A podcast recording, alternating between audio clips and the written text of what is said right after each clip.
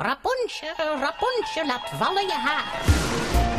Laissez-vous emporter dans le monde fantastique des rêves.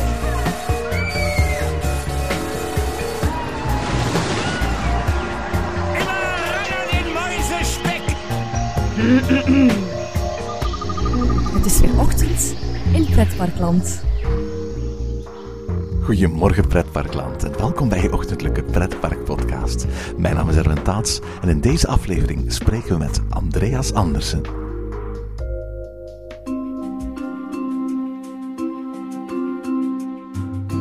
Andreas Andersen is de algemeen directeur van Liseberg.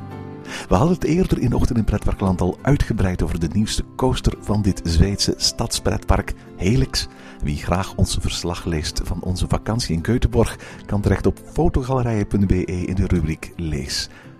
Terwijl Liseberg de bestemming was, bleek Keutenborg de grote ontdekking. Het stadspretpark dat op een boogscheut van het stadscentrum gelegen is, op een steenworp van het standbeeld van Poseidon, is vervlochten met de cultuur en geschiedenis van Göteborg, zoals dat bij zoveel stadspretparken in Europa het geval is. En die cultuur en geschiedenis lieten zich gewillig verkennen. Dat Andreas Andersen algemeen directeur van Liseberg is, is niet helemaal toevallig. Hij is een coasterfan in hart en nieren, die jaartallen achtbaantypes en fabrikanten zonder enige moeite bij elkaar zet. En daar in Zweden de baan van zijn leven gevonden heeft. Ondanks zijn jeugdige uitstraling is de blonde veertiger geen groentje in het pretparkvak. Als twintiger werkte hij zich in Tivoli Gardens in Kopenhagen op tot vice-directeur en daarna gaf hij vier jaar lang in Brussel leiding aan de Europese afdeling van IAPA, de overkoepelende organisatie voor de pretparkindustrie. Sinds 2011 staat hij aan het roer van het grootste pretpark van Zweden en is hij er maar wat trots op dat hij dit jaar Helix mocht openen. We spraken met Andreas Andersen over zijn passie voor coasters, over de eigenheid van de Scandinavische pretparken en over de impact van Helix op de bezoekcijfers en de bezoeksdemografie van Liseberg. Good morning, Andreas. Good morning, Irvin. Andreas, you're the CEO of Liseberg, but um, um, you're also an avid coaster lover, aren't you? I am. That's actually how I, I, I came into this industry. I was um, I've I've always loved roller coasters and, and, and theme parks, and, and it was uh, not until the I would say the mid '90s, you know, when the internet became more common, that I realized that I wasn't the only one in the world. Um, and uh, that that hobby, uh, you know, traveling around the world, uh, riding rides, later became um, a way of living. So so here I am. Um, you uh, grew up in uh, Copenhagen, and of course, Copenhagen is uh, hometown of uh, Tivoli Gardens. Yes, uh, Tivoli is, is my home park, so to speak. That was that was that's that's where I have my first park memories, and I think that, that Tivoli is sort of an, an, a very integrated part of, of, of most Danish people's, um, um, you could say, relationship with um, with the amusement park industry. Tivoli is a is a yeah city park, and that's that's the different than than most other theme parks in in uh, uh, Europe. And Liseberg is a city park as well.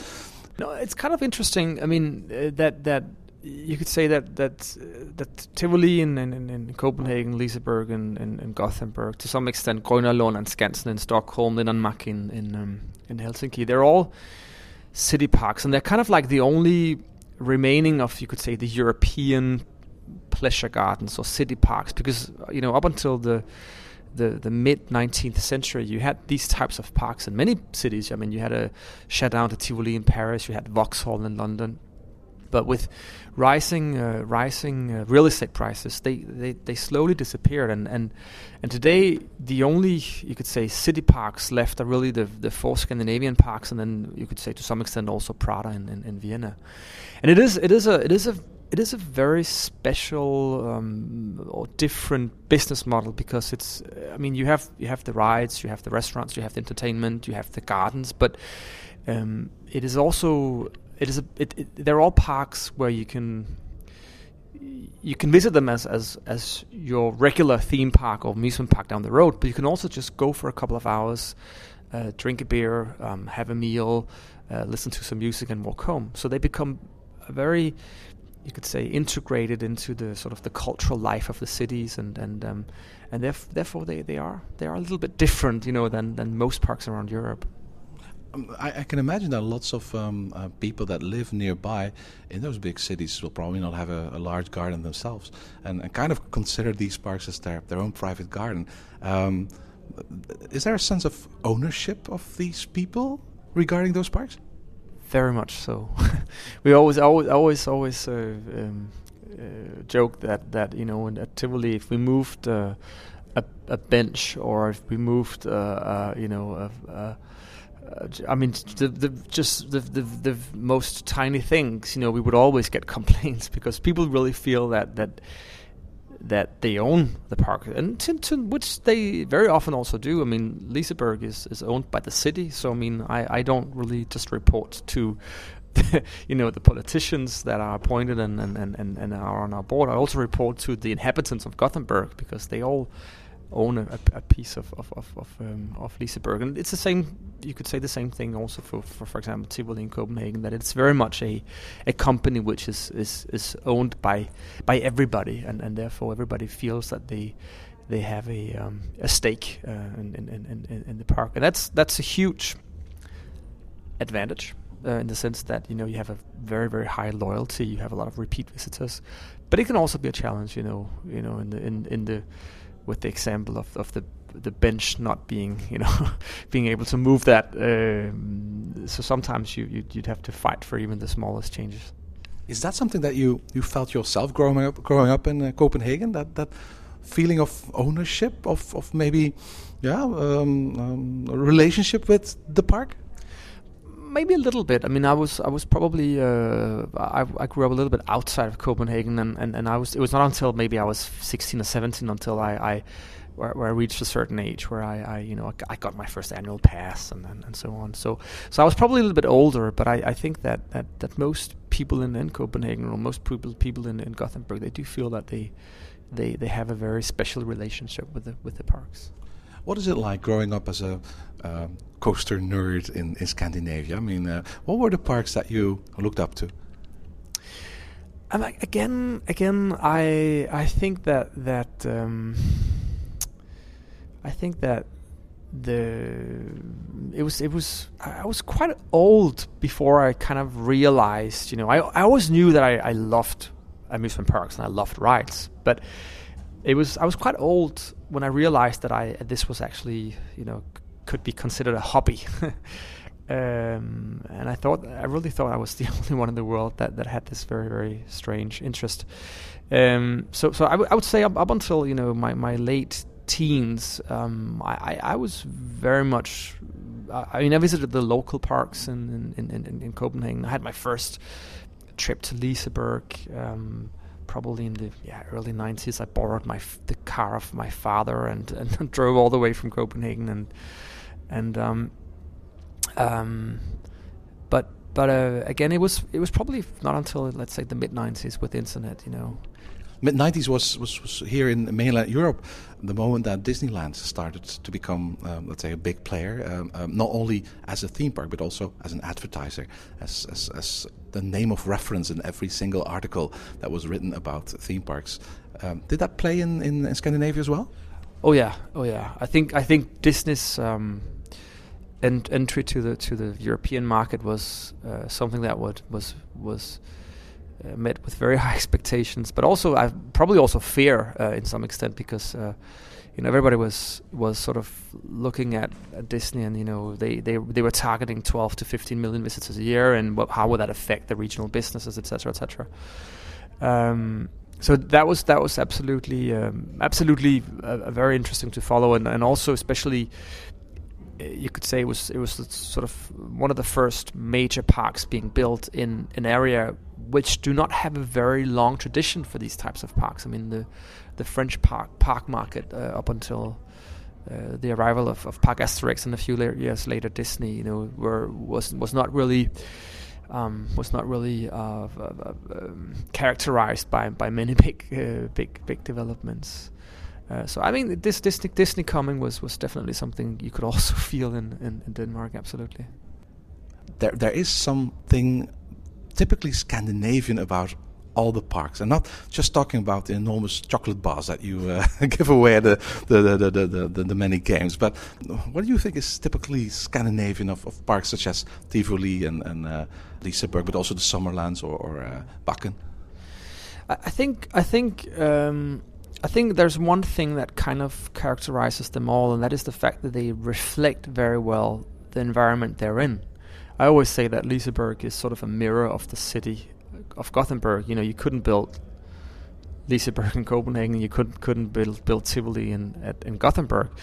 It's the same, you know, in the same way, Tivoli is very much a reflection of, of, of Copenhagen and, and the culture and, and the the feel of the city. Um, I think also, you know, it's it's that's also the case with um, you know the Summerlands. Um, uh, especially, I think Farup Summerland in northern Jutland is, is for me a, a, very good example of, of a park which has really adapted to the environment it's in. You know, it's really, it is really, you know, the, the very very much a, a um, um, a reflection of, of, of, of, northern Jutland. Legoland in Billund, the first Legoland park, is also, of course, uh, has also a very very tight um, connection with with Billund as as the home of the Lego, uh, the Lego bricks.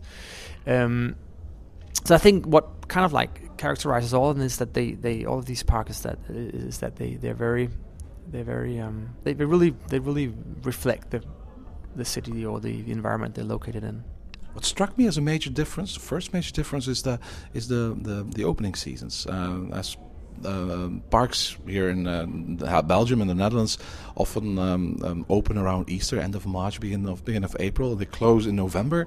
Many of the theme parks that we visited in, in, in Denmark and Sweden had had much shorter operating seasons, and we were asking, is it even profitable? Well, actually, the, the, Scandinavian parks are, generally speaking, very profitable, um, and I think it, of course, has to do with, with purchasing power and and, and the economic context. But it's it's interesting, you know, when we when we talk to to some of the big um, consultants that do you know market studies uh, for for new projects, and, um, and and they always ask for numbers because you know they as for the databases, etc. And we're we're quite open with that. And and what they always what they always tell us is that you know we we can't we don't understand how you can make it work. You know, when you have a, a water park in Norway, Bø I think that has 40 operating days or something. It, it makes no sense, you know, from an investment point of view. Uh, this the same the same it could be said with with many other um, developments uh, around Scandinavia. It is a challenge in the sense that you know we, we're extremely seasonal. I mean, we I think it's about 40 percent of our annual turnover that we create in one month, our busiest month. And that, that is that is really uh, a challenge from a risk perspective. You know, if, if the weather is not good, it's a challenge when you want to um, recruit and employ people. It's an, it's a challenge. You know, creating logistics in the park for these huge amounts of people you get in a very short season. So uh, it is it is it is actually quite difficult, but it is also the, you know the name of the game, and, and we have to make the best of it you're the CEO of, of uh, Liseberg right now. Before that, you were the vice president of, of, of uh, Tivoli. Um, you managed to live your dreams. Yeah, you, you, you can say that. I, I um, originally I'm, I'm I have I have a law degree and and um, I worked uh, both as a as a, as a, um, a, law specialist at the Danish Ministry of Finance and and uh, had a few other, other jobs as well. But it was not not until the late '90s when a job as as um, as company lawyer became vacant at, at Tivoli in, in, Copenhagen, and I I got the job. I think I think they hired me because they were afraid what will happen if I didn't get it because I was so focused and I just wanted the job so much. So I I, I the fact that it was at Tivoli was, was was a determining factor for you. Oh yeah, that was that was I, I I had never wanted anything in my life so bad as as that job, and I got it fortunately. And since then, I, I, I worked at, at Tivoli for, for seven, eight years. I had a three year stint with um, IAAPA, the International Association of Amusement Park and Attractions in, in Brussels, and then um, then the last almost four years with, with Liseberg. It is definitely, you could say, in many ways, living the dream, but it also has to be said that, that the hobby I once had has kind of disappeared. You know, it's it's it's hard for me to to visit a park today without sort of visiting with the professional eyes. You know, I'm always picking up garbage. I'm always looking at you know how they paint their rides. I'm always looking at new and interesting service concepts. So it's it the the the, the the job part of it has kind of ruined the hobby. So so the day I you know, the day I may end my career in this industry, I look forward to getting my hobby back uh, because I really do love uh, also to, to visit parks as a guest. Liseberg, both Liseberg and, and um, Tivoli both function more or less in the same way in, in both cities. But what do you is the main difference between Liseberg and Tivoli? There, there are. Um, you're absolutely right. I mean, they're, they're, the business model is very, very similar, and, and, when we compare, we always compare with Tivoli because that is probably the, the park that, that that we, you know, have the closest relationship with uh, from, a, from a conceptual or business.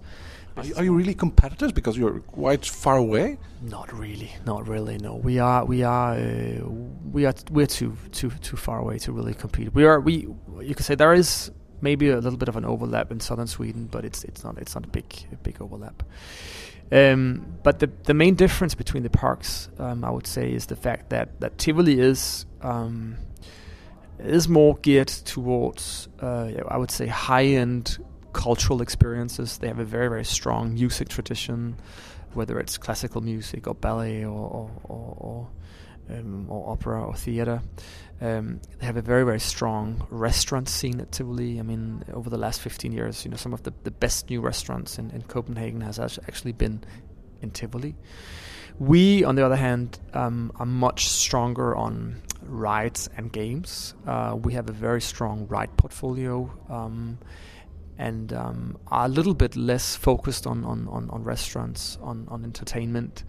Um, and it's, you, you, can say there, there are. Uh, pros and cons with with both way of both ways of, of focusing. But I think again, the parks reflect the environment they're in. Uh, you could say Tivoli is located in, in a capital city, uh, you know, with with um, uh, a certain um, a, a, certain population, um, uh, and and also um, with a certain spending pattern. Um, we are located in Gothenburg, which is really very much a um, historically a, a, working class city. You know, it's it's the home of Volvo and, and big industrial companies, and and so, so so therefore you could again say that we we we kind of probably mirror. Uh, the, the, the city in the sense that that that, that it's we're more f- more focused on popular culture, um, um, and and and therefore I think the two parks are sort of has sort of geared or, or geared the parks a little bit differently, and also um, strategically they, they, they, they, they have taken uh, slightly different di- directions, but which is very much due to the markets. People who visit Liseberg pay a, small entrance price, and um, then you can like, pay for every single ride individually, or you can buy like an all-in-one bracelet that allows you to, to go on every single ride. What I noticed was that more than in any park here in, in the Benelux, um, that you could see movement everywhere. Every single ride was drawing attention to itself. Um, while we have parks like the Efteling that is actually full of black boxes with, with, with rides completely hidden from the outside, in a park like Liseberg, would those big black box rides would ever work if you, as a visitor, can't see what's inside from the outside, and then still have to pay for it individually? It's a very, very, very a clever observation and, and, and a very good question. Um, uh, when when you have a, a, promenade park or a park where you where you like like um, uh, Tivoli or, or Liseberg, they they work a little bit in the same way as a, as a as a as a kirmes or a, or a, or a, you know a, a fairground in the sense that that all the activities, whether it's games or restaurants or, or rides, they they have to compete uh, against each other. And and and and and, and uh, you know on a traveling fairground they become very very loud you know when it when it comes to the visuals to the music. Um, to a less extent uh, that's the case in in, in, in, in Tivoli Liseberg but but you still have to be yeah, you still have to be very very visual and you have to understand that people they kind of shop for rides a little bit you know they they um, they they they they visit they visit uh, or they they utilize the rides a little bit like you would do if you went to a shopping center and you would you know walk around just strolling looking. And therefore dark rides are difficult uh, to to get to work uh, in in these types of parks. Um, I haven't got specific examples from from Liseberg because we haven't really built a dark ride since I don't know 1967 or something. So we that's that's on the on the wish list in the years to come. But uh, because I, I do think we need we need one uh, and we need a new one. Um, but but uh, a couple of examples from from from from uh, Tivoli in Copenhagen. Uh, when when Tivoli had its 150th um, uh, jubilee in 1992, uh, a really really big dark ride was built called uh, the Flying Suitcase, which was an H.C. Andersen ride, and it's probably still the most expensive attraction that that was was ever built at Tivoli and that ride has really never reached its potential because it's it's it's really really difficult for to get people in basically because you know you you walk there in the park and you don't really notice and why would you go you know why would you go on something you don't really you can't see uh, another example was in in um, I think it was in '98. There was they they uh, at Tivoli was built a, a, a very large haunted swing, uh, a little bit like uh, I think Villa Volta at Efteling, um, that never worked either uh, because this big black box of a, a haunted swing um, just didn't it just didn't appeal to, to, to the guests. So so when building something inside, you have to be very very clever and and, and very very um, uh, focused on also creating some sort of visual impact. Uh, otherwise, you, outside. Otherwise, you you won't get your visitors. Speaking about visual impacts, that's uh, an easy bridge to Helix. Um, when you announced those plans, coaster fans were, of course, raving. What about the original visitors, the, the, the, the loyal annual pass holders? How did they react to the to, to Helix? They love it, uh, and and I think that's that's probably that's probably one of the the the, the things that you know that was that has been the the the most wonderful thing about this ride. You know, when I when I took the first ride on on, on Helix, um, I was very relieved because one of the concerns I had, you know, was that we had built something that was too intense. You know, it's it is a long ride, seven inversions, two launches, and there are some pretty unique elements, uh, you know, packed into to this this uh, two minute ride. Um, and and the thing is, uh, you don't build a coaster for the enthusiast enthusiasts. I mean, you know, what I you know may consider a good ride may not be considered a good ride by the normal visitors. Very very often there is a, a, a, a very high um, overlap between between those two things. It's always good to to test. Um, it's always good to test, um, you know, new rides and attractions or elements uh, on on on on on uh, your your nerd friends, and we do we actually do that. But the fact of the matter is, you know, we have we have to run 1.2 million visitors through that that ride a year, and and therefore, when I went on my first ride, I was sitting I was sitting uh, on the ride with. Um, with uh, the the CEO of Mack Rides who, who built the ride and and we took the first ride and I was so relieved. I was like, okay, this is okay because you know you can t- you can take an eight year old on this ride, and that kind of that kind of determines whether this becomes a good investment or not because you really want those re- repeat visits. You want you want people to come back again and again and again, and that will be difficult. Um, uh, you know, with a ride that is very, very intense or, or has a very limited uh, uh, target audience. It's an extremely expensive ride. Is is that the kind of investment that Liseberg is, is, is able to do once in a lifetime, or, or is it is, is it something that from now on um, um, we can expect from Liseberg? Well, I mean, it's not something something we're going to do every year. I, I, I, unfortunately, or, or, maybe maybe that's good because it was it was also uh, it was also tough getting it getting it done. Um, I think you'll see sort of a cycle where we do major rides every fourth to fifth year. Um, we, we certainly have a couple of years now that where we have to wind a little bit down. We we will build um, attractions um, the next couple of years, and we're actually going to build really good attractions. But it's not going to be you know uh, it's not going to be in the 30 million euro league. Um, uh, so so we're gonna we're gonna take a little bit easy for a couple of years, and then then we have something quite exciting planned for 1920, and and um, with the lead time in, the, in, this industry, you actually need those three, four, five years if, if you want to build something major. 30 million euros. Does that actually mean that you, you, you must get the permission of the citizens of Göteborg to buy a coaster? No, and that's that is probably very fortunate.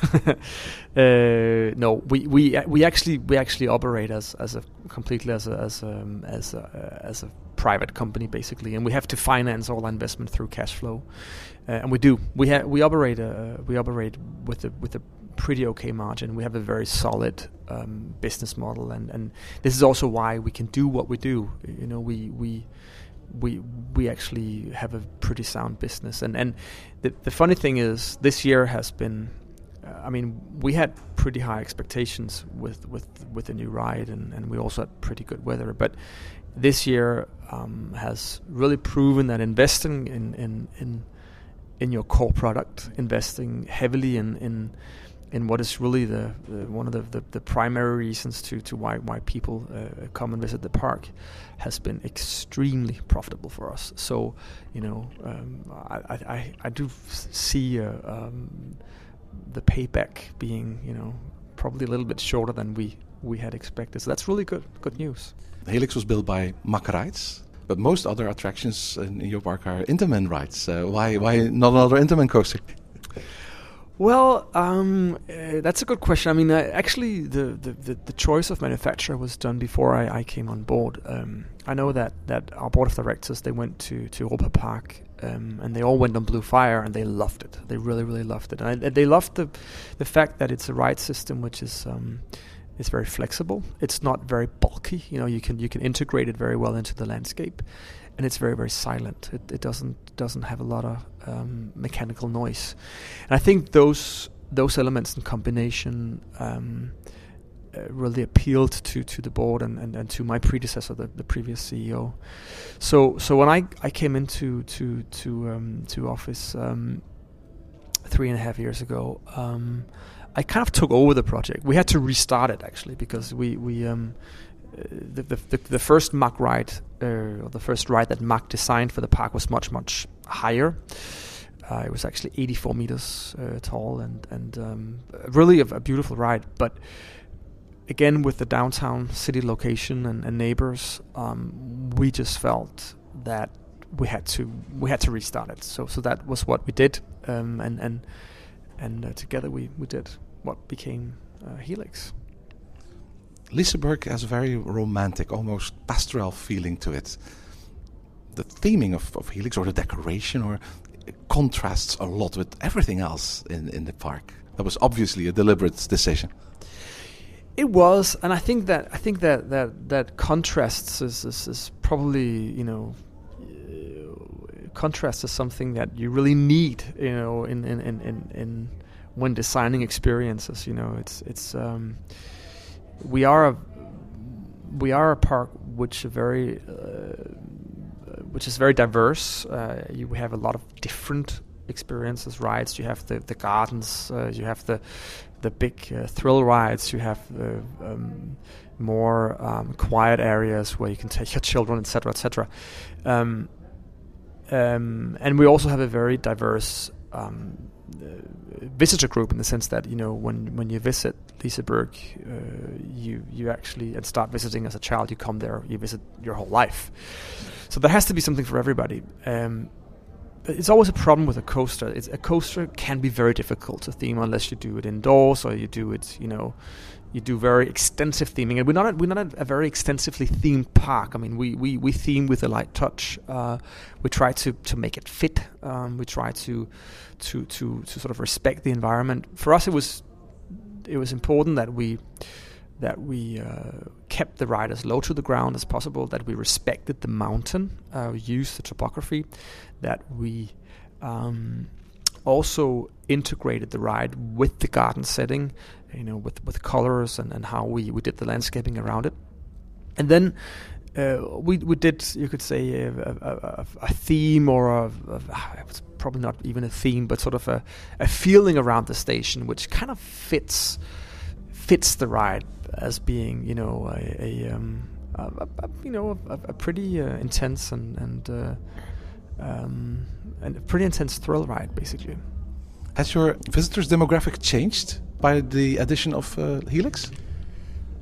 It, it has, uh, fortunately, because it's it's. Um, if you look at our demographics over the last um, ten years, we've actually um, seen uh, a big decline in, in, in, in, the total number of visitors during the summer season. We went we went from a you could say um, about 2.7 million visitors in 2003 to about 2.2 last year. So we've seen a quite a re- reduction in, in, in the, the number of visitors, and that can could be a, a result of, of um, price increases or the addition of Christmas at Liseberg, or I mean, there there are many ways to, to, to approach that. But we could also see that the, the guests that where we had the biggest loss was actually the young people, young young guests between 13 and 24, and and therefore we we really focused Helix on on that market and that market we have sort of gotten back. Now it's now it's going to be a challenge to keep it. Um, this is also why we we're going to do a few uh, things for for that target group in the years to come. So so uh, I would say so far um, so far we're very happy with the result. Not just you know the number of visitors, but also that we've really gotten back a group of visitors that we we, we were kind of losing. As a coaster fan, and thanks to your work for IAAPA, you've been able to travel all around the world and see parks all over the world. What parks really impressed you? I, I like parks that has a soul, uh, in, in, lack of a better, uh, you know, better word. I mean, I, I, I, for example, I've never really been a big Disney fan, uh, and it's probably because I'm not. I've never been visited Disney Park when I was in the demographic. You know, that is very much families, smaller children, etc. But when I went to visit the original Disneyland in California, I I got it. You know, I understood Disney. I, that was where I really fell in love with with the product uh, because I really feel that Disneyland in California has soul. I, I like very much parks that has grown organically. You know, whether it's Busch Gardens in Tampa that used to be you know a zoo park zoo, then it, they added rides. Uh, I think that's a very very charming park. Um, so so that, that that type of park where you know you really feel the soul, the the, the heart of, of, of, of, the owners and, and, and the management. That's that's that's really the, the, the parks I, I, I, enjoy the most. More and more parks bec- are becoming parts of change. They don't have owners. Um, is the soul then disappearing from this industry a little bit? I, uh, well, that's a good question. I mean, I, I, I think I think that that you can't really work in this industry, work in this industry long term, unless you understand that what we sell is an emotional product. We are selling expectations, experiences, memories. We're selling, uh, you could say, a place where people can gather, a, meeting place. Therefore, I, I, I do think you you need to bring your heart uh, into it. Um, and whether that's within the corporate structure or, or, or family owned, I don't really have, uh, I don't really know. But I think that, that, that, generally speaking, this industry is characterized by a lot of people that, that really care about the product and they care about the the guests and they understand that, that what the guest is really is really buying is is is you know it's emotions. Thank you for talking to me, Andreas. It was very nice to talk to you. Thank you. En tot zover deze aflevering van Ochtend in Pretparkland. Heb je vragen of opmerkingen? Mail ons dan via ochtend.pretparkland.be. Meer informatie over onze podcast vind je terug op www.pretparkland.be en nieuwe afleveringen download je via onze website of via iTunes. Ochtend in Pretparkland is de pretparkpodcast voor vroege vogels. Bedankt voor het luisteren en maak er een fijne dag van.